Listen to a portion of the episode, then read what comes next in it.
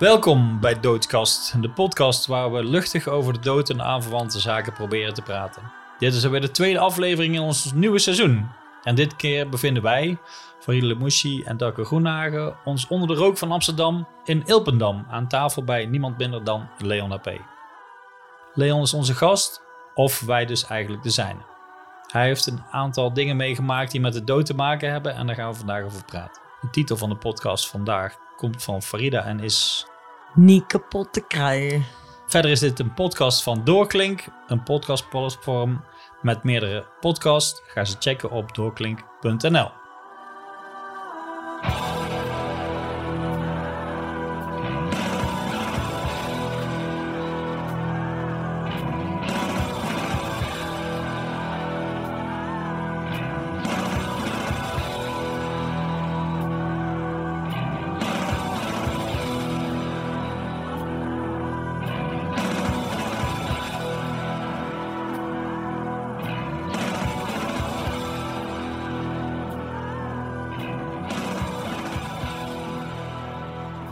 of jij, wij bij jou. Of, uh... ja, Bedankt dat wij hier mogen zijn. Ja. Jullie ook welkom. Bijzonder, niet kapot te krijgen. Niet, kapot te krijgen, ja. Dat is een goede eh, titel. Dat past uh, heel erg bij hem daar, want ja, daar hadden we het over aan de telefoon eigenlijk. Ja. Nee, dat jij eigenlijk niet kapot te krijgen bent. Want anders dan waren we misschien al wel gewoon kapot geweest. Ja, door het oog van de naald noemen ze dat. Een jaar of twintig terug. Toen was ik inderdaad op een hana kapot, maar uiteindelijk niet te krijgen. En dat was wel een hele bijzondere ervaring. Dan vroeg ik me eens af, ben jij door iemand anders, die heeft jou geprobeerd kapot te krijgen of hebben wij kapot geprobeerd nee, ik heb heel erg mijn best gedaan. Oké. Ik leidde in die, uh, in die voorafgaande tijd een vrij rock'n'roll bestaan, met alles wat daarbij hoort. En uh, toen was er een uh, moment dat mijn, mijn, mijn conditie heel erg hard achteruit uh, ging. En in die periode van, uh, van uh, feesten en partijen begon op een gegeven moment mijn gezondheid met enorme stappen achteruit te gaan. En dat was zo erg dat ik op een gegeven moment niet meer kon slapen, omdat ik heel erg moest hoesten s'nachts. Uh, ik weet niet of ik het tot in detail moet gaan, maar... Nee, wacht even. Normaal gesproken doe ik in de introductie... Uh, zeg ik altijd dat uh, Farida, dat die zangeres is... en dat ze, oh, ja. nou, van al die dingen. Maar het is het tweede seizoen, dus ik denk Iedereen dat mensen misschien wel daar wel voort, iets een beetje weet. Maar ik heb jou eigenlijk nog niet echt geïntroduceerd. En uh, dat je echt een vrij rock'n'roll verstaan, dat kan natuurlijk allerlei kanten hebben. Hmm. Dus uh, nou, ik, wer, ik werk je werkt in, in, de muziekindustrie. Ja, in de muziekindustrie. Op, en daar heb je alle, allerlei soorten aspecten heb je daarin Ja. in uh, bewandeld, zeg maar. Ja. Dus als geluidsman, als producer, Ja. als zelfs in de comedy, wat ook behoorlijk rock'n'roll kan zijn, denk ik. Als platenmaatschappij en in een platenmaatschappij gewerkt. Volgens Ja. mij ben je zelfs directeur geweest van een Ja. platenmaatschappij enzovoort.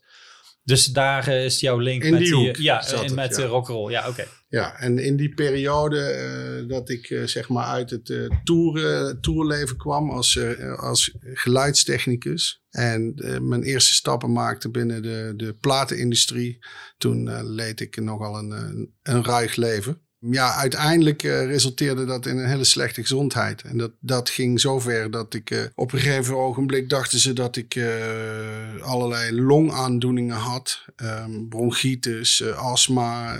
Omdat je zo slecht kon ademen. ja, omdat ik zo slecht vertelde? ademde en dat mijn conditie zo snel achteruit ging. En ehm, eh, toen uiteindelijk dachten ze het ergste ook. Hè, van nou, die heeft misschien wel iets aan zijn longen. En toen werd er een eh, thorax gemaakt. Dat is een, een foto van je borst, waar je longen goed op te staan. En eh, toen eh, bleken het niet mijn longen te zijn, maar mijn hart. En normaal is een hart zo groot als een vuist. En mijn hart was zo groot als een rugbybal. Dames en heren, een rugbybal. Ja. dat is echt niet normaal gewoon. Ja, dat was wel een behoorlijke. En daar hoesten, dat kwam omdat ik helemaal, zoals ze dat in de medische termen noemen, gedecompenseerd was. Omdat het hart zo zwak was. Was alle vocht was in mijn, eh, in buikholtes en, en in mijn benen. Je ziet dat wel eens bij oude mensen, die hebben hele dikke enkels. En nou ja, dat komt gewoon omdat het vocht niet meer weg kan. En bij mij liep het vocht ook in, mijn, eh, in de holtes achter mijn longen. En als ik dan ging liggen, dan gingen die longen, de, die kwamen in, die, in dat vocht te liggen. Ja. En daardoor kreeg ik die hoestreactie. Ja. Nou ja, goed. Toen ben ik met gierende pantoffels naar het eh, Onze Lieve Vrouwengasthuis eh gebracht hier in Amsterdam. Amsterdam. Want eh, toen bleek ik het heel zwaar aan mijn hart te hebben. En dusdanig ernstig. Dat er op een gegeven moment toen ik binnenkwam met dat er drie cardiologen om me heen stonden. toch enigszins panikerend. En ik had nog steeds de, ik onderschatte nog steeds een beetje de situatie. Jij was zelf heel nuchter daaronder Ja. dan of zo? Of, eh, Ja, ik had niet bedacht mezelf dat dit heel ernstig zou kunnen zijn. Oké, maar daar voelde je niet aan je systeem? Of, of, eh, Jawel, je- maar ik je- je- relativeerde het Ja. enorm. Oké. En ik dacht van, nou, het zal wel meevallen, toch? Hoezo heb ik in mijn hoofd dat jij gewoon op een gegeven moment ook op de grond lag of zo en dat iemand jou vond op die manier? Is daar, heb ik daar zelf Dat is bedacht? een mythe. Dat is de, de overlevering. Is Ja. dat, zo is dat is de overlevering. Maar zo zie ik, ik- het voor me. ik Maar- heb het uit eerste hand. ja. Ik was erbij. Oh, nou, dat is volgens En- mij helemaal niet waar.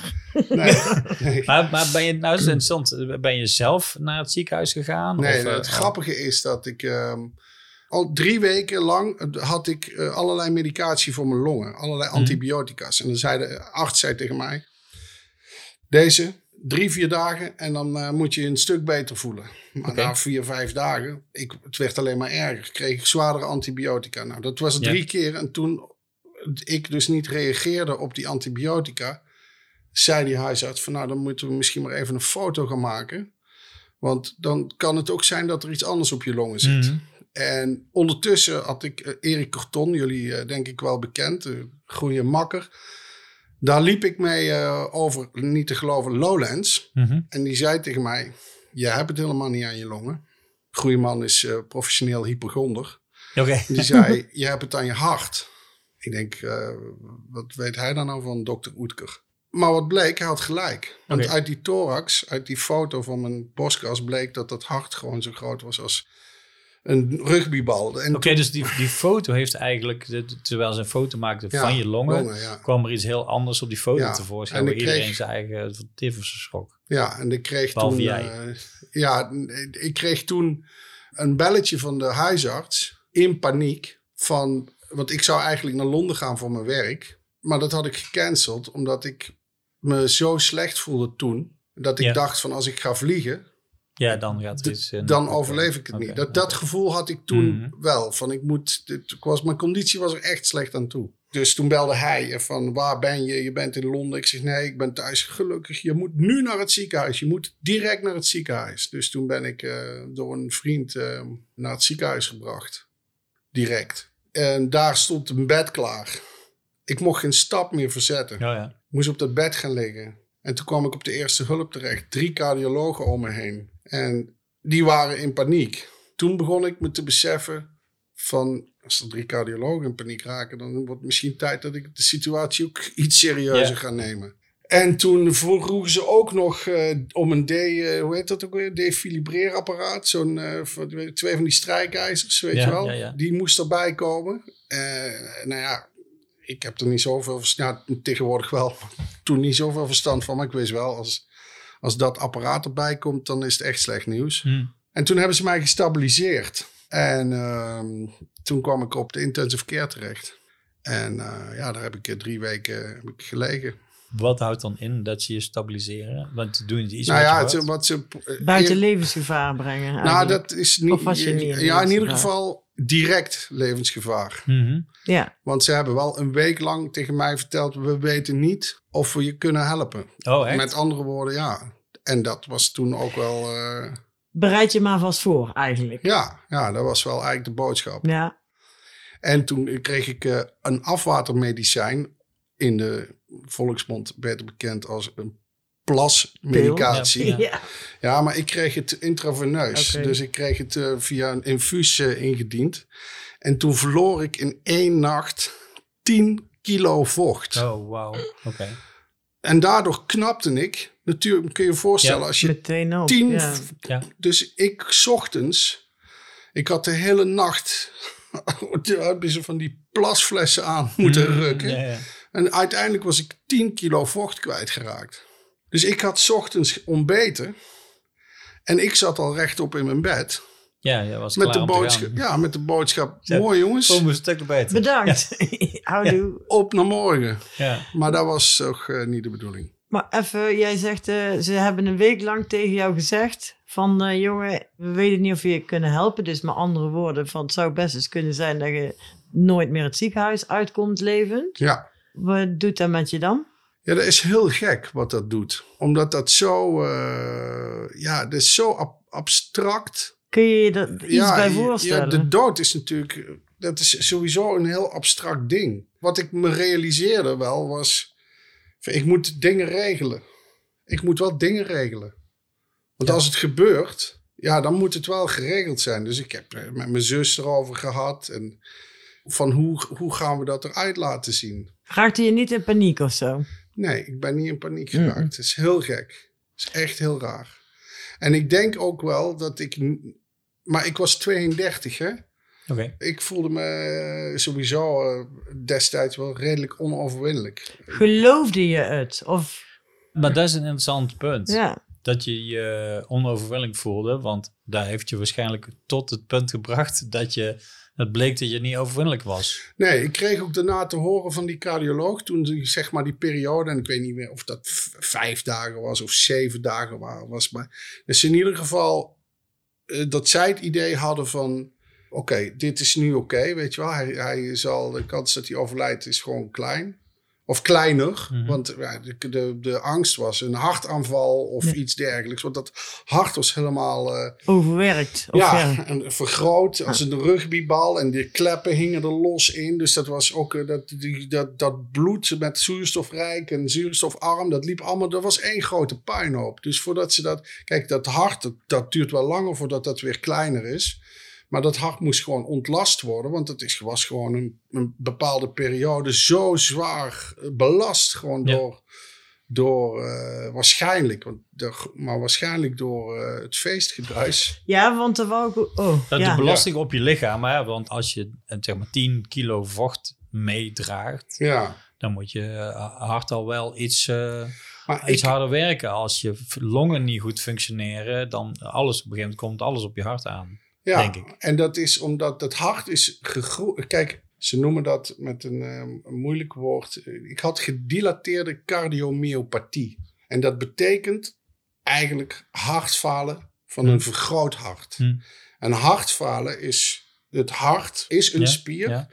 En die spier was zo verzwakt Mhm. dat als je normaal een hart pompt, hè, één Ja. keer pompt, de hoeveelheid bloed die eruit komt ten opzichte van de inhoud, hè, dus er Mhm. zit inhoud 100% in, Ja. en als hij dan pompt, komt er ongeveer 70 tot 80% uit. Mhm. Dat is bij jou, eh, bij Mhm. jullie.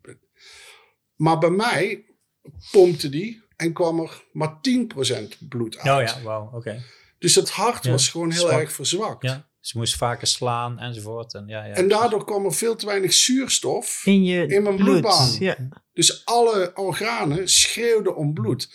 Dus wat dat concreet tot gevolg had, en dat is serieus waar, als ik 30 meter liep, was ik totaal buiten adem. Echt Mhm. alsof ik een marathon had gelopen. Dus er was echt, daar was er echt zwaar aan toe. Ja. Maar dat hart had natuurlijk, omdat het steeds zuurstof tekort kwam, probeerde dat te compenseren, te, te groeien. ja. Want als je dan 7%, Mhm. omdat er meer in Dan zat. kan je meer ja, eh, precies. in, ja, innemen. Ja. Dus ja, toen. eh, maar ik heb toen wel vijf, zes, zeven dagen. En sowieso leef je eh, vooral in het begin met het gevoel van. Ja, het is een, een, een soort van tijdbom, heb je het idee. Wat je, want je hebt je hart zo overbelast. Dat de kans dat daar iets niet goed gaat, die is natuurlijk wel groot. Maar is het, zeg maar, vastgesteld dat het... Ik bedoel, De feest. had ja? Nee, Nee, want het, het ja. had ook kunnen... Ik bedoel, heb je misschien al een zwak hart, is- maar nooit geweten. En nou dan nog met wat extra feesten is het echt... eh, Nee, ik denk dat is eh, zo vastgesteld omdat ik uitgelegd heb Ja. aan de cardioloog wat voor leven dat ik leidde. Maar ze hebben mij gecategoriseerd, noemen ze dat. Hè? Dus dan gaan ze kijken bij je hart, via je pols en via je lies. eh, hoe je kransslagaders, hè, dus die het bloed naar de spier van de hartspier brengen. En als je een feesthart hebt, om het zomaar te blijven noemen. Komen we Eh, daar nog op terug, hè? Ja, als je het goed vindt. Ja, dan heb je littekentjes op je hart. Dat zou namelijk wijzen op kleine infarcten. Oké. Als je bijvoorbeeld te veel drugs gebruikt, Mhm. Dan kun je daar infarcten van krijgen. Mhm. En die infarcten die laten littekens na op het hart. Dat was bij mij niet het geval. Dus ik heb altijd ook heel sterk het eh, vermoeden gehad dat mijn levensstijl heeft er niet aan bijgedragen, maar dat de oorzaak daar niet Dat lag. niet was, ja. En wat blijkt nu? Ik heb ehm, slaapapneu. Dat is een slaapziekte dat je dus stopt met ademen. Mhm. Daar heb ik nu een apparaat voor. Enorm hoog erotisch apparaat overigens. Ik ken het. Ik heb iemand er wel eens mee zien uh, rondlopen. Ja. En dat heb ik op s'nachts. Mhm. Zodat zodra ik stop met ademen, zorgt dat apparaat dat het me adem, Ja. eh, dat het, het doorgaat. Want wat bleek nu, daar zijn ze dus een jaar of eh, acht eh, geleden achter gekomen, dat ik tijdens mijn, eh, eh, normaal als je eh, eh, bij apneu heb je drie verschillende fasen. Je hebt de 0 tot 15, dan heb je matig, 15 tot eh 30 heb je zwaar, eh, eh, eh, redelijke apneu. Ja. Matig, redelijk. En eh, plus 30 heb je ademstops gaat het. Hè? 0 Ja. tot 15 ademstops per minuut. Eh, per uur, excuus. Oké. 15 tot 30 ademstops per uur. En boven de 30 ademstops per uur heb je zware apneu. En ik had 56 ademstops per uur. Ja, Ik bedoel, Elke minuut één. bijna elke minuut Ja. één. En daardoor zakte mijn eh, eh, zuurstof in mijn bloed. Normaal moet dat, hè, noemen ze saturatie. Normaal moet dat ongeveer 93% zijn. Dus 93% zuurstof in je bloed. En bij mij zakte dat tot 70. Vanaf 60 is het dodelijk. Hm. Dan heb je echt, dan krijg je of een hersenbloeding of een, allerlei andere zaken. Ja, Dan- kijk, ja, krijgt zuurstoftekorten op allerlei plaatsen. Ja, dus nu met terugwerkende kracht, nogmaals, mijn levensstijl zal er niet aan bijgedragen hebben, maar met ter- terugwerkende kracht zegt de neuroloog wel van de kans is groot, ik heb daar eigenlijk al heel lang last van gehad, dat dat ook mede de oorzaak is geweest van die hartfalen. En hoe kom je er eigenlijk achter dat je dat slaapapneu hebt dan? Nou, dat maakt nogal herrie. Ik heb begrepen dat, ik heb nooit meegemaakt, maar het schijnt heel beangstigend te zijn om naast iemand te slapen die Ja. slaapapneu heeft. Ja, die stopt mijn- gewoon met slapen en die, of met ademen, die, en die kijkt zo in één keer. Ja. Alsof die zijn hele, sorry. ja. Maar dat, dat, Gaat het dus toch Ja, niet? Ja. Ja, maar dat, dat is wel waar, ja. Dat Ja. klopt. En dat is echt wel, eh, ik bedoel, ik heb, eh, ik was ook heel moe altijd. En eh, er waren wel allerlei andere, en, maar mijn toenmalige eh, vriendin, vrouw, die zei op een gegeven moment, jij moet echt, jij moet echt een keer gewoon Hmm. dat laten checken, want het is niet normaal. Alsof Nee, dat ja, je dat van schijnt een, super beangstigend te zijn Ja. om daarnaast eh, om dat Ja. mee te maken, zeg maar, als iemand dat heeft. En je kunt het ook vergelijken, want het, je, je, je hebt verschillende vormen van apneu. Hè, dat kan neurologisch zijn, maar het kan ook fysiek zijn dat je keel dichtvalt. Ja, Eh, dat, dat, Oké. dat- maar je moet je voorstellen dat als dan zo'n ademstop inzet, dan krijgt de hersenen, die krijgt het signaal, we Ja. krijgen geen zuurstof. En dan vervolgens gaan alle organen op halve kracht werken. Want Hm. ja, dat is, zo werkt het. Hè? Van, er komt geen nieuwe zuurstof aan. Er is geen... eh, Oké, goed, Ja. halve kracht. Als dat maar lang genoeg duurt, geeft je lichaam een stoot adrenaline. ja. Als een soort, Ja, ja, ja. Als een soort wakker worden, ja. last resort, Ja, weet je wel. En dat is dan Mhm. dat ook die herrie die, Ja, je, oké. die je hoort. Ja, oké. Dat iemand dus... ah, Het gekke is dat je daar zelf gewoon doorheen Daar slaat. merk je niks Ja. van. Alleen je wordt ja. moe wakker. Ja, Ja, want Ja, je, en je bent, bent- natuurlijk uitgeput, je lijkt me. bent, wel, je bent ook wel vaak wakker hoor. Ik bedoel, Mhm. ik, ik stond vijf, zes keer per nacht naast mijn bed. En dan een plasje maken. En dan, Mhm. Maar ik, ik dacht dat dat Normaal. normaal was. En toen vroeg ook, eh, moest ik een formulier invullen van eh, hoe moe ben je, 0 tot 10. Ja, ik, dat kan ik niet invullen, want ik weet niet wat, hoe uitgerust, Ja. hoe dat Hoe- voelt. ja, want ik, heb, ja. ik heb totaal geen... Ja, dat kan je nu pas Referentiekader, zeggen, ja. waarschijnlijk. Ja. Nou, en toen ik dat apparaat kreeg, dat was eh, ook wel, dan moest je een paar weken, je moet wel wennen om daarmee te slapen. Want het is zo'n tuig wat je op je, ik heb, je hebt een mondmasker en een neusmasker, ik heb een neusmasker.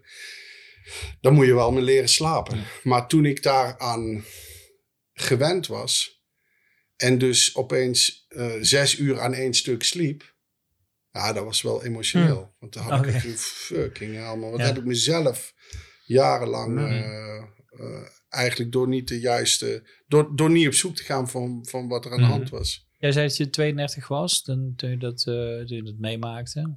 We hebben van tevoren net even zitten kletsen. En je hebt verteld dat je moeder eh, overleden is. En dat je, een hele, dat je daar een hele bijzondere connectie mee had, zeg Ja. maar. En mijn beleving is, eh, staat een beetje met elkaar in verband. Zeker. Hoe lang voordat je dat meemaakt is jouw moeder overleden? Anderhalf jaar. Oké, oké. Als ik daar nu op terugkijk, want ik ben altijd wel iemand geweest die eh, van feesten en partijen hield. Mhm. Maar ik kan niet ontkennen dat na de dood van mijn moeder er een zekere mate van.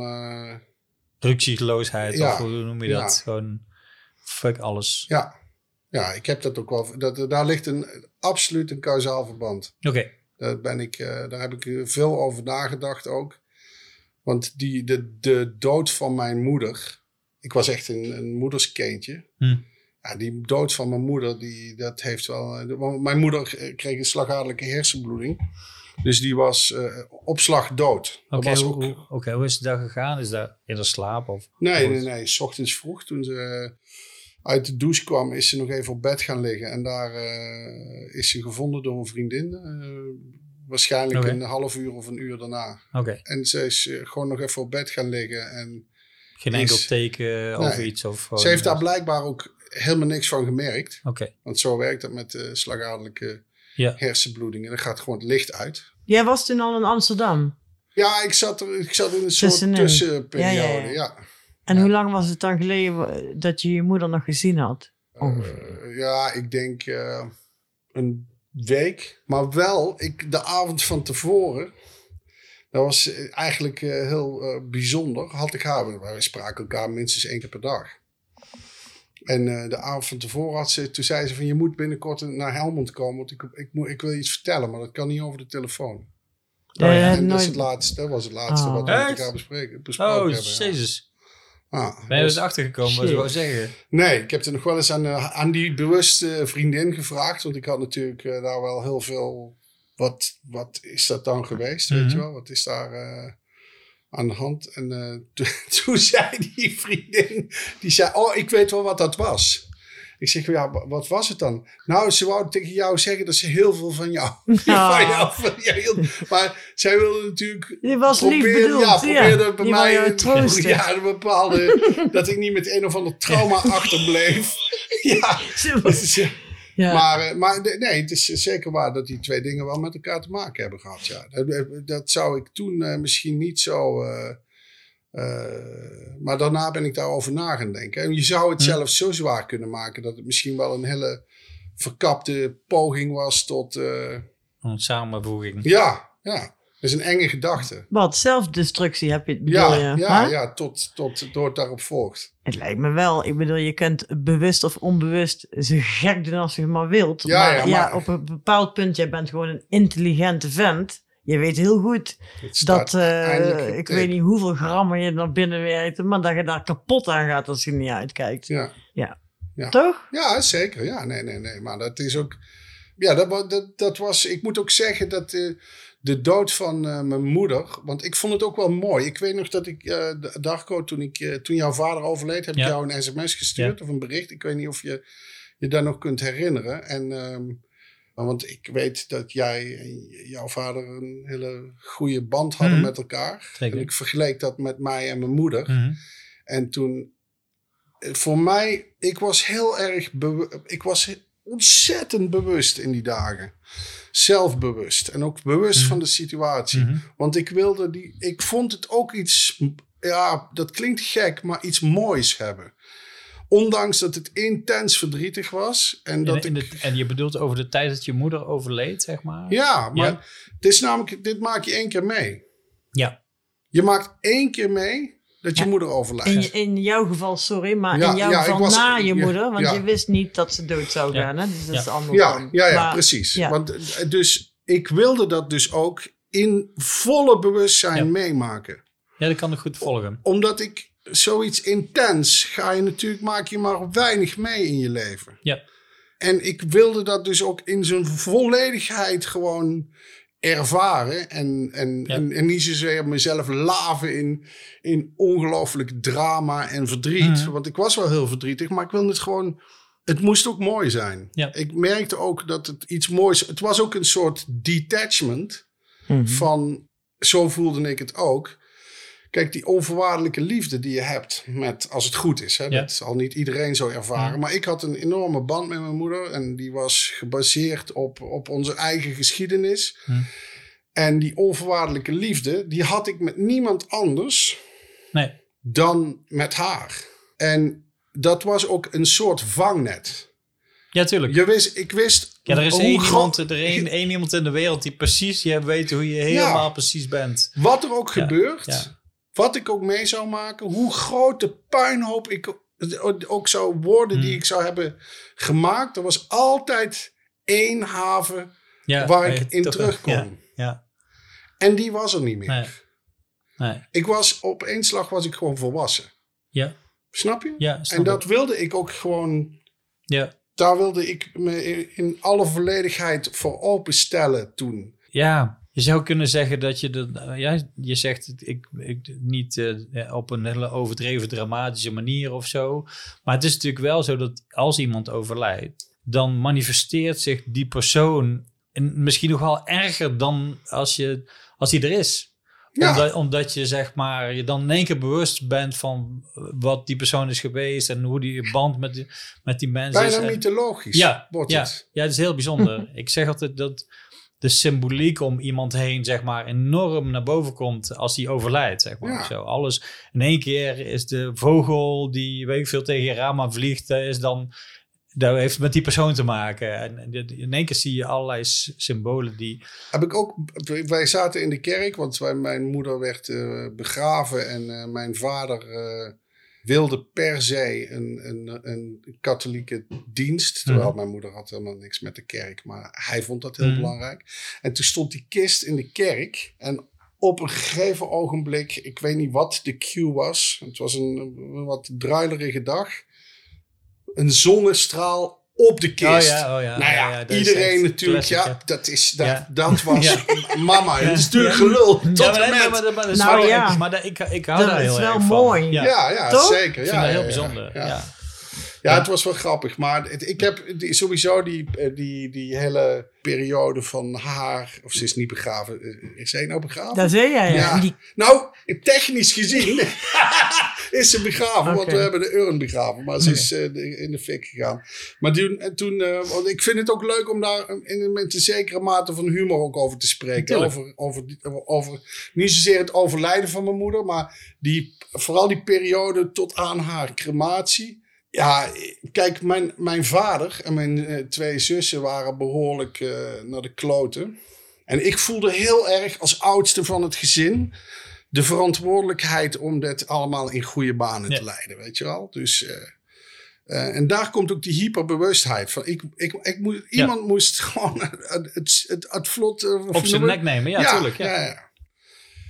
Dus dan komt er eh, zo de dag na het overlijden. Mijn, eh, Hmm. mijn moeder was eh, verzekerd bij eh welbekende Dela. Dela. hè? Ja. En eh, dan komt er zo'n man in een iets te groot pak met een Ja. koffer aan de deur. En die eh, gaat dat geveinsde medeleven. Ja.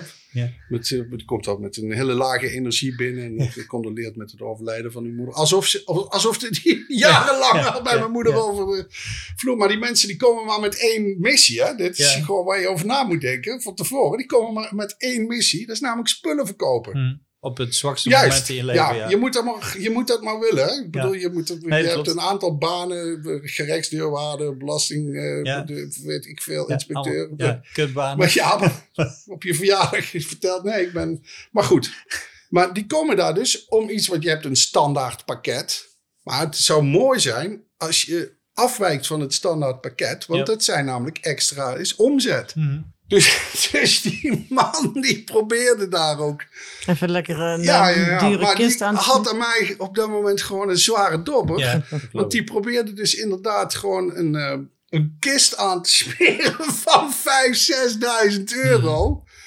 En ik zeg, ben jij wel goed bij je hoofd, Ja, man? ja. En mijn zussen en mijn vader... mijn- ja, eh, hij zegt, wat bedoel je? Ik zeg, jij weet toch dat er de fik in gaat? Ja, ja. Ja, maar mooi met koperbeslag. Ik zeg, echt, mijn moeder, als die, die zou me echt... Natuurlijk niet. Nee. Ik zeg, wat kost de goedkoopste kist? Nou, die was nog 400, 500 euro. Dat je Mhm. denkt, maar dat is, ik bedoel, hebben we geen, kunnen we niet in een doos? Nee. Nou ja, goed. Maar En- je vond ook dat dat in de stijl van jouw moeder niet klopte. Nee, natuurlijk niet. Mijn moeder die zou, eh, die zou, ze had geen graf, maar eh, anders had ze zich daarin omgedraaid. Nee, die vond, die vond hij niet gaaf. Nee, nee, precies. Dat, daar, daar hoorde Ja, niet bij niet haar bij haar. stijl. En haar, oké. Ja, want die kan, en wat, ze hadden, je had dan ook een, je had dan recht op een auto en, eh, en twee volg, of de, twee, Mhm. drie volgauto's. Mhm. En ja, wij gingen met z'n drieën in één auto. Dus Ja. ik zei van ja, we hebben die volgauto's helemaal niet nodig. Mhm. Maar die zaten wel in dat pakket. de, de is er gewoon. dus ja. dus die, ik zeg tegen die man, iets verderop gaat het over de broodjes. Ja. Ik zeg, de standaard broodjes, maar we kunnen ook voor meer prijs luxe broodjes. Mhm. Ah, ja. die volgauto's. Kijk, als die eraf gaan. Kunnen Ja. we daar dan voor in ruil niet die luxe broodjes nee, krijgen? dat, dat kan niet. Dat ging niet. Nee. Ik zeg, dat meent u niet. Ja. Nee, ik Ja. zeg, dan rijden ze leeg mee. Hij zegt, maar u hebt ze toch niet nodig? Ja, ja, maar dan wil ik ze hebben. Ik hoef Ja, ze ja. niet. Ja. Ja. Maar Ja. ik zeg, maar dan, dan komen ze mee. Ja. Want als ik ze, dan heb ik ze namelijk betaald en dan Ja. rijden ze ook mee. Ja. En dan rijden er twee lege volgauto's mee. Of je geeft gewoon die luxe broodjes en laat die auto's thuis staan. Ja, Ja, ja, dan moet ik even met mijn baas gaan bellen. Moet ik even, doe dus toen even. ging je op de gang de baas, be- de baas bellen. En eh, nou, dat kon, dan, eh, dat kon dan toch. En toen had ik nog een ander idee van het is ook leuk om, eh, het is een crematorium, dus eh, kunnen we ook eh, naast de luxe broodjes, kunnen we ook vlammetjes krijgen. ja, Oké. maar dat, Dat is ook dat, al te ingewikkeld, of niet? dat ging niet, want Nee. ze hadden daar geen friteuse, weet ik veel. Maar ik vond het wel, dat was in de geest van mijn moeder. Ja, ja, Die- die- nou ja, goed. Jouw moeder is- had dezelfde soort van humor Ja, bijvoorbeeld. ja, die was behoorlijk zwart van humor. Oké. En eh, die had er, eh, of die heeft zich daar waarschijnlijk om, om bescheurd. Hm, hm, Dus, eh, hm, zo dat, eh, Ja. Maar ik, eh, wat ik zeg, weet je wel, je, je, ik, ik vond het ook wel, eh, omdat, omdat het in, de, in, in haar, ik vond wel dat het in haar gedachten moest zijn, in, Ja. in hoe zij is of De was. spirit van... Ja, Ja, precies. Zo is het wel fijn inderdaad, als je op die manier dan dat af kan maken, Ja. zeg maar. Maar dat neemt niet weg dat de tijd daarna ik wel eh, een enorme eh oplawaai eh, gekregen heb. Ben toen op een tijd naar Thailand gegaan om even bij te komen. Ja, ik weet niet of dat... Het was op zich wel een hele bijzondere reis. Want Hmm. dat deed ik in mijn eentje. Maar ik weet niet of dat wel zo heel slim... Dat, of dat wel zo slim was. Niet dat het feesten daar begonnen is. Maar ik denk niet dat ik me daar echt uit de put getrokken heb.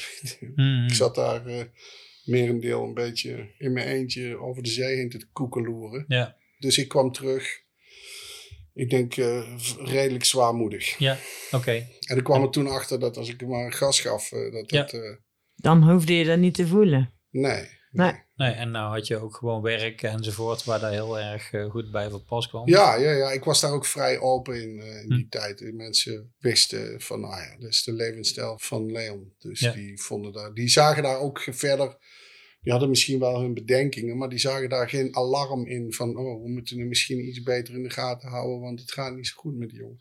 Tenminste, Nou ja, en, het- en misschien heeft het ook wel een beetje met de tijd te maken. Zelfs eind jaren 90, begin 2000 was gewoon voor iedereen een soort piek Ja. of zo. Ja, toch? Tenminste voor onze generatie, Ja. laat ik zo maar even zeggen. Als je de jaren 90 meegemaakt hebt, toen kwam alles.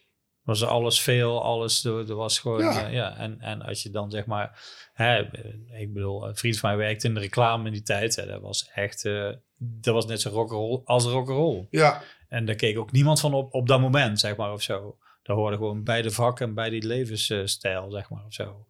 Dus ik kan me voorstellen dat mensen daar niet zo eh, van opkeken. Ik moet ook zeggen dat, en, en eh, de- dus fast forward weer naar die periode dat ik in het ziekenhuis terecht kwam. Dat is, ik heb daar denk ik een week of drie of zo gelegen.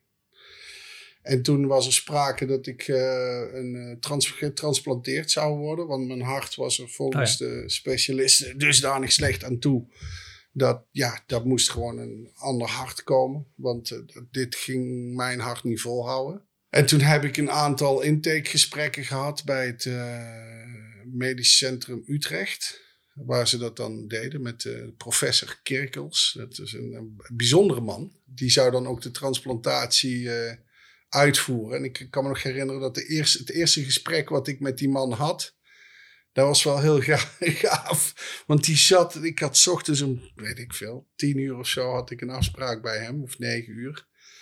En hij zat met bloed doorlopen ogen aan tafel. Ik dacht van holy fuck man. Zit te suipen. Maar wat had hij gedaan? Die had niet geslapen. Die had namelijk s'nachts een hart getransplanteerd. Oh, Oh, Jesus. oké. Dus toen dacht ik van... eh, ja, want zo werkt dat. Hè? Er komt iemand om het moet dan leven. met- op Eh, dat ja, moment. precies. Ja, Ja, ja. ja. Ja. Maar daar vond ik dan wel... had ik opeens wel heel veel vertrouwen in die gast. weet je wel? Van Ja. die gozer, die doet dat toch maar weer. Ja.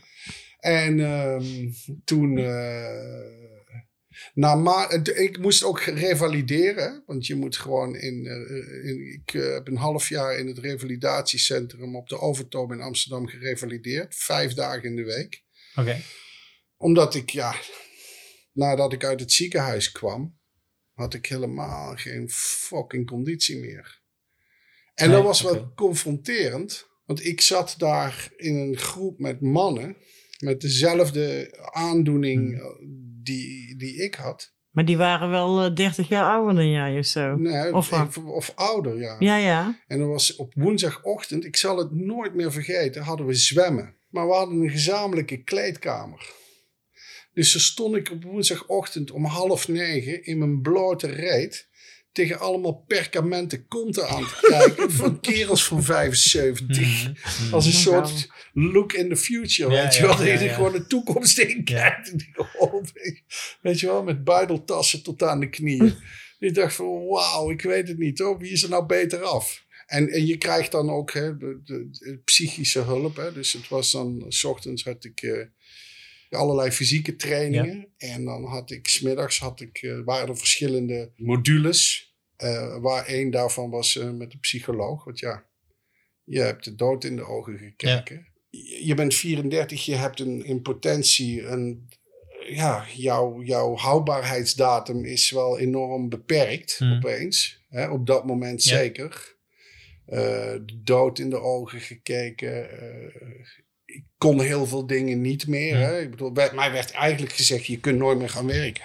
Zeker Oké. niet in die line of business waar je in zit.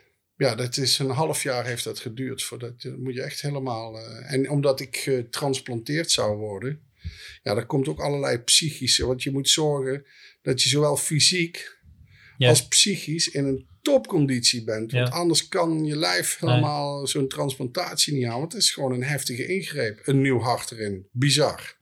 Ja, het is echt een Maar- nieuwe startmotor, weet ik veel. Echt heel apart, ja. Wat bleek, naarmate die revalidatie verder ging en die medicatie, ik werd steeds beter ingesteld op de medicatie. Ik slik nog 14 pillen per dag. Echt? Jezus. Oké. Maar de conditie van mijn hart ging vooruit. En dusdanig dat ik van die lijst afging. Maar dan vonden ze eigenlijk was dat een wonder. Ja, toch? ja, ja dat was, in die tijd was dat echt van, eh daar heeft hij ook opgeschreven, letterlijk. Oké. Wonderbaarlijke genezing. Oh ja, wauw. Stond er, eh, staat er in mijn eh, Je dossier. bent niet voor naar Lourdes geweest of niks. Hoe, Nee. hoe, hoe- ik bedoel, wel, ik wil dat toch even, want dus je bent eerst op je dertigste of zo, gaat je moeder dood? Ben je 30 Ja, of ik, 31? ik denk dat ik t- eh, 32 was, ging mijn moeder dood. Ja. En 33, half, Lig, 34. ging je zelf bijna dood. Ja, Dus dan word je twee keer in een korte tijd geconfronteerd met het feit dat Ja. alles dus ophoudt. ja, Zo, En dan eh, ga je revalideren. ja. Eh, of je eerst feesten, dan revalideren. Hè? En dan, dan ga je verder leven. Ja, Wie ben je dan? Want hoe, hoe, ik bedoel, hoe verhoud je je tot dat? Want je hebt iets verloren, of eigenlijk en bijna jezelf. En dan moet je opnieuw beginnen. nou, sterker nog, je hebt sowieso ook... Je hebt, je hebt je, ik had mijn moeder verloren. Ja. Maar ik had ook mezelf verloren. Ja. Niet, Ja. In zijn geheel. Ja, want, je, ik, want die Leon, zeg maar, post die was er niet meer. hartfalen Ja. was anders dan Leon Mhm. pre-hartfalen. Ik moest alles... Moest Moest helemaal opnieuw. Helemaal her- opnieuw. herzien en Ja. herijken. Ja. Want ik was, ik kon niet meer diegene zijn die ik was, want dat had mij gebracht tot waar ik. eh, Dat, was, ja, Terecht kwam. dat, dat is een keuze, want dat had je kunnen doen. Dan, Ja. dan ging je kapot. ja, maar, Maar ik- dat wou je niet. nee, nee uiteindelijk, nee, uiteindelijk eh, bleek ik gewoon toch te veel van het leven te houden dan, eh, dan ik misschien eh, eerder dacht. Nou ja, je moest er wel dus heel erg mee geconfronteerd worden dat Ja. het zo is. Ja, maar dat is Want denk ik ook wel een beetje wie ik ben. Ja, Ja, je hebt het zelf opgezocht, daar komt het eigenlijk ja, op Ja. ja. Ja. Ja, daar Net was zo een lang. randje en eigenlijk heel even eroverheen en Ja, snel weer terug. Maar Het hele stuk van Bill Hicks, dat eh, Keith Richard de beste, de meest legendarische ontdekker is, omdat hij dus die over, het, over het randje ging en daar kwam dat er nog een randje was over het randje. hij, die, ja, die heeft hij ontdekt. Heel Ja. mooi. Ik kwam eh, dat eh, appje nog tegen wat je mij stuurde toen mijn vader overleden is. Die zal ik even lezen, want daar hadden het over. Darko, lieve vriend. Ik begrijp van je social media dat je vader is overleden. Heel veel sterkte met het verwerken van dit verlies. Ik weet nog van vroeger, tussen aanhalingstekens, dat je met veel respect en liefde over je vader sprak. Zijn liefde voor kunst en voor jou en je zus. Dit zijn heftige tijden, vriend, maar ook bijzonder. Het overlijden van een ouder heeft ook iets bijzonders. Je komt op plekken in je emotie en geest waar je niet vaak komt. Probeer het in je op te nemen, leer ervan en ben bewust. Hou van elkaar. Nogmaals sterkte en ik denk aan jullie. One love, vriend. lief zeg. Oh, mooi. Ja, Had het tegen mij niet gezegd, dat is moeilijk kapot. nee, nee dat klopt. Ja, jij Ja, meteen maar- zoeken. jij meteen zoeken, ja. ik heb wel, hoor, je hebt mij ook heel veel lieve dingen verteld, weet ik wel. Maar eh Danny. Nee, dit kwam toevallig eh, te sprake in, de, in het... eh, omdat het in het gesprek eh, te Ja. sprake kwam. Mooi. Maar dus je moest een soort nieuw, je opnieuw uitvinden, zeg maar. En Ja. eigenlijk zou je kunnen zeggen dat je... Misschien heb je wel geprobeerd die oude persoon te vermoorden. Ja, Om een nieuwe persoon te kunnen worden. wat het eh, aparte hieraan is. Kijk, ik leef nu met redelijk wat eh, beperkingen, maar overzichtelijk. Hè? Ik bedoel, ik kan nog steeds doen wat ik doe. En Hm. ik, eh, ja, mijn conditie is eh, verre van wat die zou moeten zijn. Maar ik kan er nog redelijk goed mee leven. En toch zou ik het niet anders doen. Mhm, En dan niet zozeer vanwege dat feesten. mhm, Want dat kan me gestolen worden. Maar de les die ik geleerd heb. En het feit dat ik zo dicht bij de dood en bij het leven ben gekomen. Mhm. Ik, ik heb echt gevoeld wat het is om te leven. Snap je wat ik Ja. bedoel? Ja. En dat is heel bijzonder. En het heeft mij ook heel bewust gemaakt van de dingen die wel belangrijk zijn en niet belangrijk zijn in het leven. En soms heb ik gesprekken als deze ervoor nodig om mezelf er weer aan het Om dat weer te Mhm. beseffen. om mezelf daaraan te herinneren. Hmm.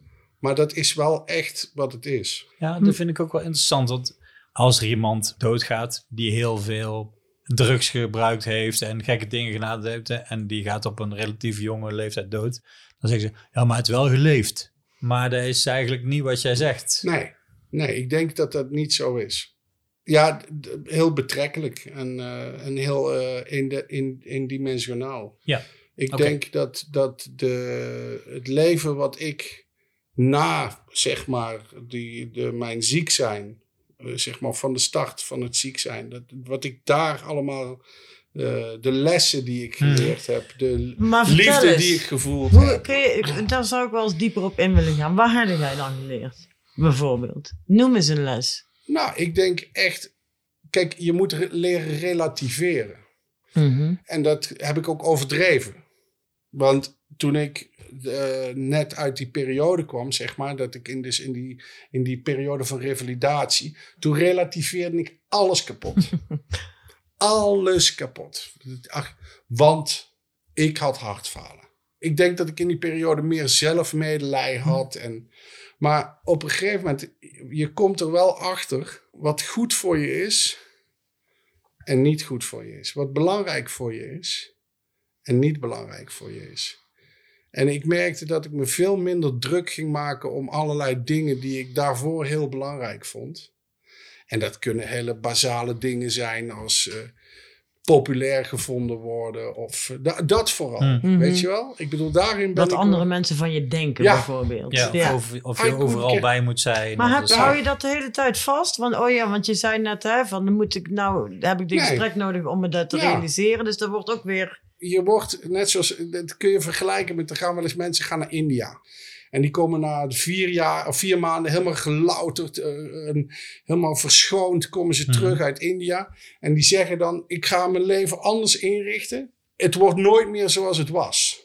En heel veel mensen, de meerderheid, na een paar maanden zitten die gewoon weer volledig in. Ja. Dus je hebt af en toe wel een gesprek nodig met vrienden, waar je jezelf weer realiseert van. Dit is fijn, weet je wel, dat je je daaraan herinnert Ja. van. eh, van dat zijn, want je, je wordt heel erg, je komt heel erg dicht bij de essentie eh, Ja. op zo'n moment. Weet je wel, randzaken doen er niet toe. Het wordt heel bazaal. Hè? Het gaat om leven en dood. Dat zijn de meest ja, basale dingen in het leven. En dan moet je dat toch gewoon, als je daar zo mee geconfronteerd wordt. Dat is een hele mooie les geweest. Mhm. In ieder geval een hele mooie ervaring. En ik heb gewoon het geluk dat ik eh, twintig jaar na dato daar nog steeds eh, op deze manier over kan Ja. praten. Ja. Ook in, in deze gezondheid. En nogmaals, mijn conditie is verre van wat die zou moeten zijn. En ik heb die medicijnen. En ik moet elke eh, zes maanden ga ik naar de cardioloog. En eh, ja, Ja, dat, maar dat is wat het is, Ja. weet je wel. Daar moet jij het gewoon mee doen. Ja, Ja. ja. Ik kreeg vandaag een appje van iemand, van een vriend van mij, van Menno. Dat is een eh, vechtsportliefhebber en dat, dat vind ik ook interessant. En die stuurde een filmpje door van een MMA-vechter. Chris Leben heet die. En die had in het ziekenhuis gelegen met eh, COVID. En die was daar bijna aan onderdoor gegaan. En die had eh, op Instagram gewoon een filmpje zichzelf gefilmd. Met dat het weer net beter ging, zeg maar. En die vertelde eigenlijk precies wat jij nou zegt. Eh, hij zei ja, het was echt kantje boord en je had ook dood in de ogen gekeken. Hij zegt, maar nou, nou gaat het er beter. En nou is nou, ik, hij zegt, ik ben echt zo ontzettend dankbaar voor het slechte eten wat ik krijg. En het maakt gewoon niet meer uit. Ik heb, alles wat ik meemaak is nou is een soort van bonus. Want eh, ja, eh, voor hetzelfde geld had ik niks meer gehad. Hij zei, het duurt misschien wel een jaar voordat ik er bovenop ben. Ja, wat maakt dat jaar nou uit? Ik heb in ieder geval, dan heb ik in ieder geval nog een jaar. ja. Anders had ik niks gehad. En dat was heel eh, rauw. En eh, zo op dat moment even in je telefoon zeggen van... eh, jongens, ja, ik weet niet precies jullie... maar ik ben net op het randje geweest. En zoals je zegt, er overheen. En alles wat er nou nog komt, ja, de, ik weet niet. Dat is allemaal vers, zeg maar. En nieuw en, en, en te waarderen. Want anders had ik, ja, had ik niks meer gehad. Nee, zo zie ik het ook wel een beetje. Hè. Ik bedoel, ik, en ook die Ja, ja, ik bedoel, je hebt daarna nog bijvoorbeeld een kind gekregen. Ja, Dat is ja wel echt... eh, ik bedoel, is toch, als je daar zo op die manier over nadenkt, is het ongelooflijk bijzonder. ja. Want ik noemde het op een gegeven moment, ik zit in de verlenging. Hè, als je het, Ja. Ik zit gewoon in de extra tijd. Dat je ook die conditie nog had om een kind te maken. Jezus Christus. ja. Oké, Nee, oké. Nee. Eh, kan het... het is een ander onderwerp. nee, het Nee. Nee, nee, maar dat- sorry. is wel een leuk kind geworden. Super. Echt. Ja, nou, maar- maar, en, en dat verandert de zaak ook. Ja. Ja. Ja. Want ik zal je vertellen, ik heb heel lang eh, gezegd, nadat ik ziek ben geweest, ik, ik ben dus niet bang voor de dood. Ja? Dat was ook een vraag. Ja, Ja. daar wou Ja. ik ook vragen aan jou. Ja, dat heb ik Hoe tot acht jaar geleden heb ik dat eh, gezegd. Oké. Maar nou zeg je dat niet meer. Nee. Oh, want nou komt het dichterbij. Of, of, Nee. hoe, of wat dan? Wat dan? Ah, zo. Mijn dochter is geboren. Kijk, voor mezelf ben ik niet bang voor de dood. Ik ben niet bang Jij bent niet dood. bang om dood te gaan, maar je wil je kind niet alleen achterlaten. Nee, ik zou het voor. Kijk, en dat gaat natuurlijk een keer gebeuren. Ja, Maar ik zou het zo eh, erg voor haar vinden als ze op jonge leeftijd haar ja, ja. vader verliest. Liever, liever is ze Precies. oud genoeg. Kijk, we weten het- allemaal dat op een gegeven moment vertrekt je vader, vertrekt je moeder. En, eh, maar ik kwam er wel achter, want ik koketteerde daar zelfs wel een beetje mee, weet je wel. Van, ik eh, ben, ik Ja. ben niet bang. En dit, voor mezelf voel ik dat nog steeds zo. Ja. We hadden wel een risico genomen, eigenlijk. Want hoe oud ben jij? Hoe oud was jij toen jij Daantje kreeg? 45. Ja. Ja, ben wel redelijk oude ouder. Daar Dus kan dan- ik niks aan doen. Dit deed zich niet eerder voor, de situatie. Nee, nee, maar goed, maar dan, heb, dan neem je dus een risico. Ja, En je bent ook nog hartpatiënt. ja, zeker. Dus eh, ja, Ik weet niet hoe jullie daarover denken, maar volgens mij is. eh, ik hoop voor alle mensen die daar anders over denken dat het anders is, maar ik denk dat het gewoon stopt bij de dood. Mhm. Ik heb niet zo. eh, en dat, dat, ik benader dat bijna wetenschappelijk. Hmm. Het is namelijk, ik heb geen bewijs dat het anders is. Hmm. Snap je wat ik bedoel? Dus ik ben een agnost in die zin. Hè? Ik ben niet gelovig, maar ik kan ook niet met overtuiging zeggen dat er niks is. Je Nee, weet het precies. niet. Ik Nee, weet, dat- ik- dat een is wel- agnost. Dat is wel interessant, want er is ook geen bewijs dat er niks is. Nee, maar daarom zeg Ja. ik. ik ben, Ja. da- daarom ben ik een, een, een- ik ben Ja, geen ja. ongelovige. Nee, ik, ben- ik, ik zit er gewoon tussenin. Ik weet het niet. Nee, oké. Maar voor nu, Mhm, omdat ik geen bewijs heb dat het wel zo is, mhm. Ga je Dat- ervan uit dat dat- het niet zo ja. kan het ook alleen maar meevallen, toch? Als het aan de andere kant Ja, ja. gezellig is. Dat ligt Ja, er maar net aan ja. hoe het daar is. Dat vind Nou, ik... ik denk dat ze me wel indelen bij de goede groep, hoor. maar, ehm, nee, dus dat is... eh, maar voor mijn, voor mijn dochter, of, en, en voor mijn, fijn, voor mijn vrienden, voor, voor de mensen die veel om mij geven en van mij houden. En met name, want al die vrienden en vriendinnen, die zijn allemaal oud genoeg. En weet je wel, Die redden zich wel. Gewoon, dat, dat- dat hoort erbij. Maar ik zou het zielig vinden voor mijn dochter als Mhm. zij haar vader op jonge leeftijd Ja. zou eh, Dit zou zeker heel zielig zijn ook, ja. Ja, ik heb dat in mijn omgeving, dat hebben we allemaal wel meegemaakt. Dat je vriendjes of vriendinnetjes had waar een ouder op jonge leeftijd hè, is overleden. En vaak doet dat niet heel veel, is een zwaar traumatische ervaring. eh. Nou, dat is een traumatische ervaring op zeker. Maar ik denk dat dat ook komt. Ik bedoel, ik hoop het ook niet hè, voor Daan. Laat, begrijp me niet verkeerd. Maar ik denk dat wij daar ook niet goed mee omgaan. Want het kan natuurlijk gewoon maar zo zijn. Hè? Zeker. We nemen allemaal dat risico, maar iedereen gaat dood. En ja, dan zal ook, weet je dat gebeurt gewoon. Ik denk dat het vaak dat het eh, hele... Natuurlijk is dat traumatisch en natuurlijk is dat vervelend. En natuurlijk zul je daar misschien je hele leven ook last van blijven houden en noem het maar op. Maar ik denk ook dat wij zouden kunnen leren door bijvoorbeeld dit te doen. Gewoon te praten over dood en over sterfelijkheid. Ook met je kinderen en met iedereen die daarbij betrokken is. Ja, dat je daar ook niet bang voor hoeft te zijn. Mhm. Ja, dat is natuurlijk iets cultureels. Hè? Ik bedoel, als Ja. je kijkt Ja. naar andere eh, bevolkingsgroepen, hoe die afscheid nemen van hun eh, overledenen. En dus ik vind het beren interessant. Ik vind het ook altijd heel interessant om als je in een andere stad komt. Heb ik, ik, ik heb veel getoerd hè, met bandjes. En als ik even de tijd had, ging ik overal naar een checken, begraafplaats. Ja, dat is vet. Ja, dat heb dat ik ook is. En ook daar, om daar ook de verschillen in cultuur te zien Mhm. en in, in geloof en dergelijke.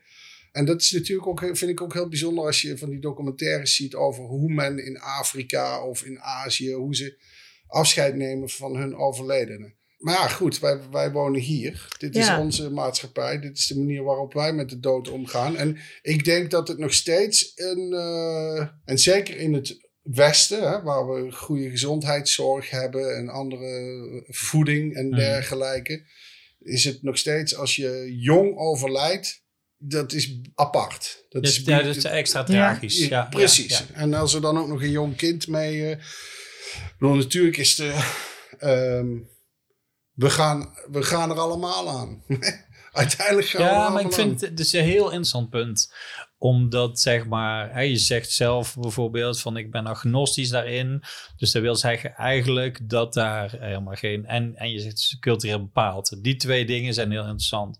Want dat wil eigenlijk zeggen dat er geen traditie is in hoe we daarmee omgaan. En een geloofstructuur of een culturele manier met de dood, om met de dood om te gaan... eh, vaak vergrijpt dat in elkaar. Zeker. En dat geeft meteen een soort handboek. Snap je? Met een spirituele invulling en een praktische invulling en een eh, rouwperiode en allerlei dingen die daar, daar wordt echt over nagedacht, zeg maar, of zo. En naarmate we daar natuurlijk hier kwijtgeraakt zijn met eh, de... Maar ik denk dat er dan ook wel is hoor. Denk Jawel, maar goed, wat bijvoorbeeld eh, de kerk en de, daar, die, die is echt tanende, zeg Ja. maar, of zo. Dus ja, mensen zijn daar dan inderdaad een beetje zoeken in. En, en omdat alles individueler wordt, moet, word jij geacht om daar individueel een beetje op te lossen. En, eh, maar ja, zoeken mensen wel naar manieren om daarmee om te gaan. Ja, bijvoorbeeld, ik kan me voorstellen, jij vertelde voordat we de podcast opnamen dat er een paar vrienden van jou en jouw motorclub eh, zijn overleden, nog niet zo lang geleden. Ongetwijfeld hebben die een bepaalde manier van daarmee omgaan, zeg maar, of zo. Als groep. En eh, ik bedoel, dat is dan los van al die eh geloofstructuren enzovoort. Eh, maar ja, en dan be- begon, het gesprek begon met als je kind jong een ouder verliest. Er is helemaal geen protocol voor. Of daar word je helemaal. Er is niemand die jou bij kan staan. En hoe je in godsnaam met een kind omgaat. Dat, dat een, een een Ja, is verschrikkelijk. dichtbij zijn Ja. iemand heeft verloren. En, en natuurlijk is dat verschrikkelijk. Aan de andere kant, eh, Nou, dat komt met name ook omdat kinderen, jonge leeftijd, hmm, eh, is het heel moeilijk om iets abstracts als de dood aan uit te leggen. Mhm. Weet je wel? Want ik bedoel, het, de dood is het enige echte eindige wat we kennen. Ja. Er is, voor de rest is er, de dood is echt onomkeerbaar en eindig. Dus voor een volwassene al Ja, moeilijk om te begrijpen. ja. Als je daarover na gaat denken, dus het, alle energie die in jou zit, die gaat weg. Ja, die, ja, je zou kunnen gaat- zeggen dat die ergens anders in gaat. Ja. gaat er heen? Ja. Ja. Nou, ik heb, snap je daar? Ja. Maar leg dat maar eens uit aan een kind van acht. Mhm. Nou ja. Ja, dat is, daar hebben heel veel mensen kampen daarmee, want het, het gebeurt natuurlijk. Hè. Daar is, Nou ja, ik denk dat, daar dus, dat, dat wij daar eh, iets aan moeten doen. Ja. Dat je daar wel over kan praten. Nou ja, Want was- kinderen kunnen ook... Dat is de andere kant. Jij zegt, leg het maar eens uit. Maar dat doe je ook vanuit het, re- jouw referentie. Van, ja, ik weet nou wat dat is, dood. Maar je kunt echt wel het ergens over hebben. Die, met, Met kinderen, kinderen. kinderen. kunnen zien dat dingen dood Ja. gaat, ja, gaan. en dan heb je, en, Waarom je Dat- hamster neemt, ja, bijvoorbeeld. die gaat dood. Er zijn echt...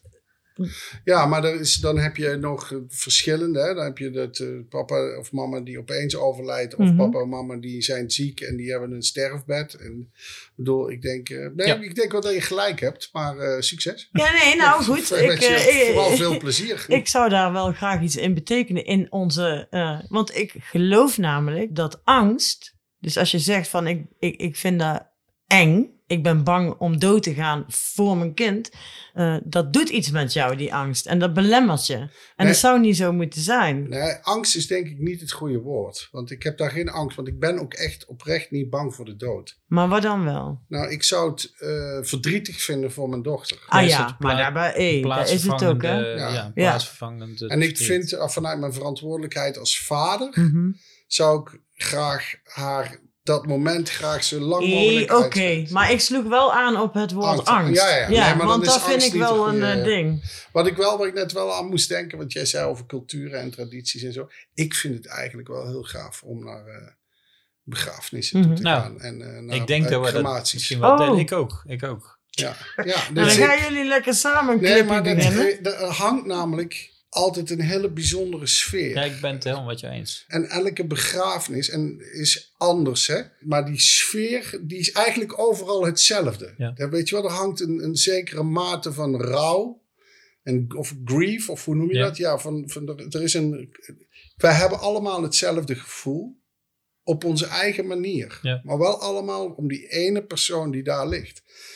En hoe dat dan ingevuld wordt en de sfeer, hè, met de occulte, bij, met, met Selim, hè, de, de Selim's eh, dienst, of eh, onlangs Geert, of eh, mijn nicht die een paar jaar terug ook op hele jonge leeftijd is overleden.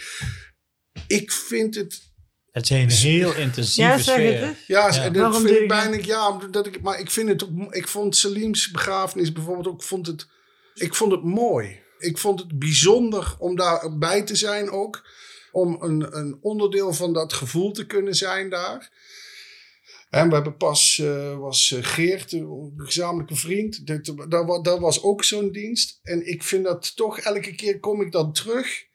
En dan heeft dat iets, ook iets goeds met me gedaan. Ja, Mhm. dat is toch juist gaaf? Ik Ja, bedoel, dan hè? hoef je voor mij niet je te verontschuldigen, want ik heb de, ervaar dat zelf ook zo. Ja, Ik heb dat ook zo ervaren. ja. Ja, maar het, Dus, is ook, eh, maar het is raar ook, hè? Want je, ik, eh, toen bij, bij Geert, eh, toen ik, reed ik terug richting Amsterdam. En hoe triest dat dan ook is. En hoe verdrietig dat ook is. Maar het heeft ook iets, het heeft ook iets moois dan. Ja, het heeft iets louterends. En Ja. ja. ja, dat klopt. En, en, en je, je, krijgt enorm, ver- je voelt je enorm verbonden Met elkaar, ja. met elkaar en met het verleden wat je deelt, zeg maar, of zo. Dus met de overledene, maar ook met alle mensen die dan komen voor die overledene. En de hele intense filosofische golf die over je heen komt van je eigen. Je wordt natuurlijk meteen geconfronteerd met dat je ooit zelf daar gaat liggen. Ja. En dat, dat heeft iedereen. En dat relativeert eigenlijk meteen als het over relativeren gaat. Daarvoor relativeert echt als een stoomwas alles. Maakt het gewoon gelijk. Dus eh, weet je de dood in de, in de dood is alles gelijk. Mhm. Het was wel grappig, want dat jij net zegt van het. ehm, toen mijn moeder overleed, ik had niet zo'n goede band met mijn pa. Mhm. En toen was mijn moeder overleden en toen zat ik daar wel een beetje mee in mijn maag. Mhm. Van hoe ga ik dat nou aanpakken? Want hij is mijn, mijn, ja, mijn stiefvader, zoals ze dat dan noemen. Mhm.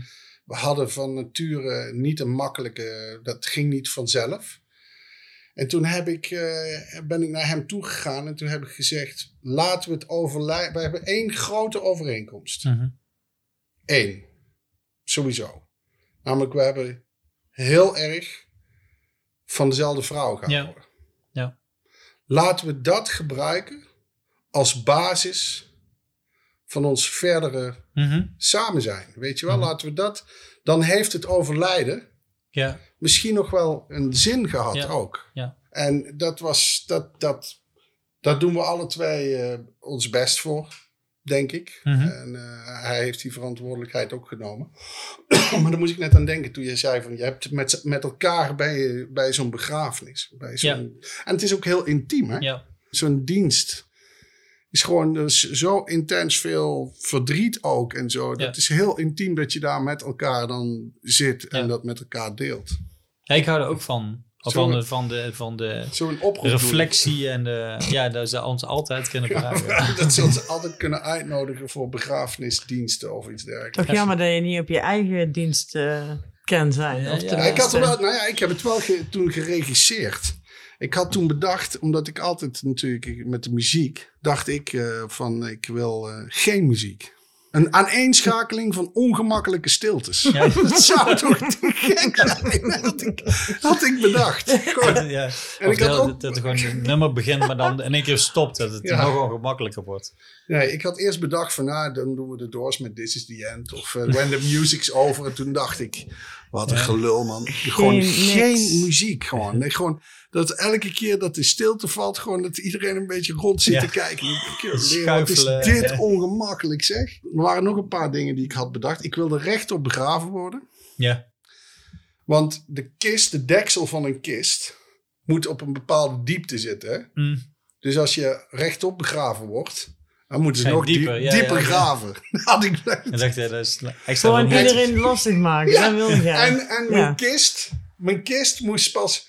Dus dan ga je, dan ga je met z'n allen, want ik ga er wel. Dat, dat, het zal net geen staatsbegrafenis zijn, maar ik denk dat die dichtbij komt. dus en dan met z'n allen gaan we vanuit. eh, ik zie de, de, de Heineken Music Hall of zo, want ja, moet natuurlijk wel wat, moet wel plek hebben. Groot en. Dramatisch. Maar dan moet die kist, die gaat dan naar mijn graf. Maar dan moet die pas bij het graf rechtop gezet Ja, worden. Zodat mijn lijk naar beneden flikkert. dat lijkt me echt gewoon ook weer dat ongemakkelijk. hoort gewoon. Iedereen staat daar. Dan heb je altijd een groep mensen die... het lijkt me echt... Maar goed, het zal allemaal wel weer anders gaan. Ja, de vraag is in hoeverre je daar echt eh, iets over te zeggen hebt natuurlijk. Uiteindelijk eh, niet. Ja, wat, vind je nou eigenlijk? Vind je dat je... ik weet niet hoe ik daarbij kwam. Onlangs hoorde ik nog zoiets. En toen ging het over een dienst. En iemand had allerlei wensen. En die hebben ze niet ingewilligd. Nee, Nee. want hij Ja. was toch al dood. Ja. Ja, klopt. Ja. Ja. Ja, wat, wat vinden jullie daarvan? Ja, ik kan alleen maar het eh, hebben over de diensten die ik zelf heb georganiseerd. En er waren er eh, twee. Daar heb ik wel degelijk gedaan waar die Ja. mensen graag wilden. Ja, daar kon ik me ook prima in vinden. Maar er zijn ook wel onderdeeltjes van die ik zelf bedacht heb. Of die het net iets anders... Ik bedoel, Dat vind ik wel interessant. ik Stel- zeg in ieder geval zelf tegen mijn kind... niet per se van het moet zo. Maar, Want ik wil graag dat hij zich er goed bij voelt. Dus dan mag hij daar wel... maar stel dat Ja. jou, eh, voor degene waar jij die eh, diensten voor georganiseerd hebt. Stel dat die nou wensen hadden gehad die principieel tegen jou ingaan. Ja, dan had ik dat niet gedaan. Maar eh, dat had ik bij leven al verteld, hè. Dus dan had ik gezegd, dan zoek maar een andere gek, zeg maar. Ja, wel- Ja. Ja, je hebt het natuurlijk van tevoren overlegd, zeg Ik maar. maar het kan eh, natuurlijk zijn ja. dat iemand Nee. een, een briefje achterlaat van zo en zo moet het gebeuren. Ja. Je denkt van, ja, maar eh, hoezo? Ja, maar daarom vind ik dus hoezo ook je Geert Wilders praten. eh, de- uitnodigen voor... Nee, daarom moet je het er dus over hebben. Daar moet je Ja, gewoon dat- over goed praten. goed Bij ja. leven. Ja. Waar wil jij? Ja, dat ga ik wanneer begin je erover? Wanneer begin Ja, je erover? gewoon. Nu. Ja, ja, nou, zoals wij daarover Wat we praten is best interessant. Ja. Ja. Dus geen muziek. Oké, Oké. Ja. dat staat vast. ja. Nou ja, ik moet wel zeggen dat bijvoorbeeld op eh, sommige begrafenissen, en dan heb je het bijvoorbeeld over kinderen. Ja, jouw kind kan. eh, ik heb, ik, ik, ik, ik- misschien heb ik wel eens verteld, ik ben wel eens op de begrafenis van de vader van een ex van mij geweest. En die man was flamenco-gitarist. Eh, daar werd enorm flamenco gespeeld en er werd om die kist heen gedanst en gestampt en gedaan en zo allemaal. Ja, ik weet echt helemaal niks van flamenco. Dus dat is best wel indrukwekkend, maar is ook ergens heel typisch voor. Daar moet je echt verstand van hebben. Van Ja, de duende en weet ik veel wat, allemaal, wat er allemaal uitgebeeld is. Dat weet ik allemaal niet. Dus dat was best wel ver van me af. Totdat zijn vierjarige dochter daarna als laatste nog even... Je hebt een vriend van de K3 erin. eh, wat- Knalde. Hé hey, jongen, toen brak ik gewoon. Ja. Snap ik wat ik bedoel? Want dan heb je het echt over een kind van vier die de vader ziet eh, vertrekken. En eh, die probeert er ook op een bepaalde manier uitdrukking aan te geven. Zo, de tering, dat, dat, dat kwam echt dikke hard binnen. Dat was natuurlijk ook het contrast, zeg maar. Maar dat kwam echt keihard binnen. Mhm. Dus Bij, ja, eh, misschien heeft je dochter wel super slechte muzieksmaak. Of de mijne dat ze in één keer zeggen van... Nou, doe maar Imagine Dragons op zijn... eh, ze is een groot fan van Ramstein. Nou, vet. Ja, nee, maar serieus. Oké. Ja. Maar bijvoorbeeld de inloopmuziek, hè, dus de muziek Ja. die eh voor voor de genodigde bij mijn moeder was eh, Richman. Oh, van Beef? Ja. Oh ja? Oh, wauw. Oh, wat goed. En eh, die waren er ook. Oh ja? Wauw. En ik was dat eh, even vergeten te vertellen. Oh, dat is Oh, dan, dat oké. schrik je dus die, van. die ja. vol, ja, dat Meteen was, eh, Maar mijn moeder was een enorme beef-fan, Oh ja, zoals jullie misschien nog wel weten. Maar die, eh, ja, dus ze was Richman. Dat was, maar ja, ik bedoel, de- de- dat nummer is een up-tempo, heel vrolijk Ja, liedje. heel dankbaar Maar nummer, ja. dat- dat wilde, ik bedoel, mijn moeder had niks voorbereid, want die Mhm. ging namelijk nog lang niet Maar- dood. Bleek Ja, anders te zijn. Dus wij hebben dat bij elkaar gesprokkeld Ja. van hoe we dat gaan aanpakken. En toen eh, hadden we dus inloopmuziek eh, Richman. En dat was ook echt, voor een hele grote groep mensen ging daardoor een soort van spanning Ja, af. Hè? ja.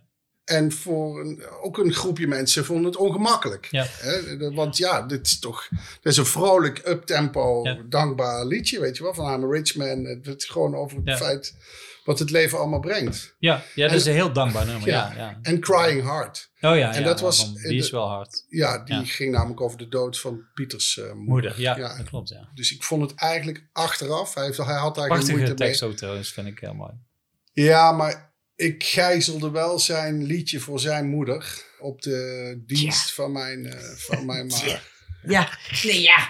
Dat was toch uitgebracht en stond op een plaat, of niet? Ja, nee, dat dus klopt. mag z- gewoon zeker. doen met Ja, wat je ja, wil. ja, ja. Zo werkt dat. Ik bedoel, hoe mooi heeft die jongen verteld dat hij verdriet had over zijn moeder? Ja, Mhm. En hoe, is toch eh, fantastisch hoe je fijn is het dat je, ja, als je daar gebruik van kan maken. ik heb daar overigens ook nog een... Ik, jammer dat ik dat niet meer heb, eh, anders had ik dat nog kunnen voorlezen. Maar ik heb ook nog eens vanuit het gezin, want mijn, mijn ouders of mijn vader en mijn zusjes, die gingen niks vertellen. Mhm. Dus ik heb toen eh, wat eh, verteld. Dat was een soort halve conferentie. Dat was al wel weer kei grappig zijn geweest, Ja, ja. het was wel. eh, ja, ik kon dat niet zwaar. Dat moest gewoon. Ik vind ook dat soort gelegenheden altijd heerlijk om juist het contrast op te zoeken, snap je? Omdat het al zo. De, de situatie.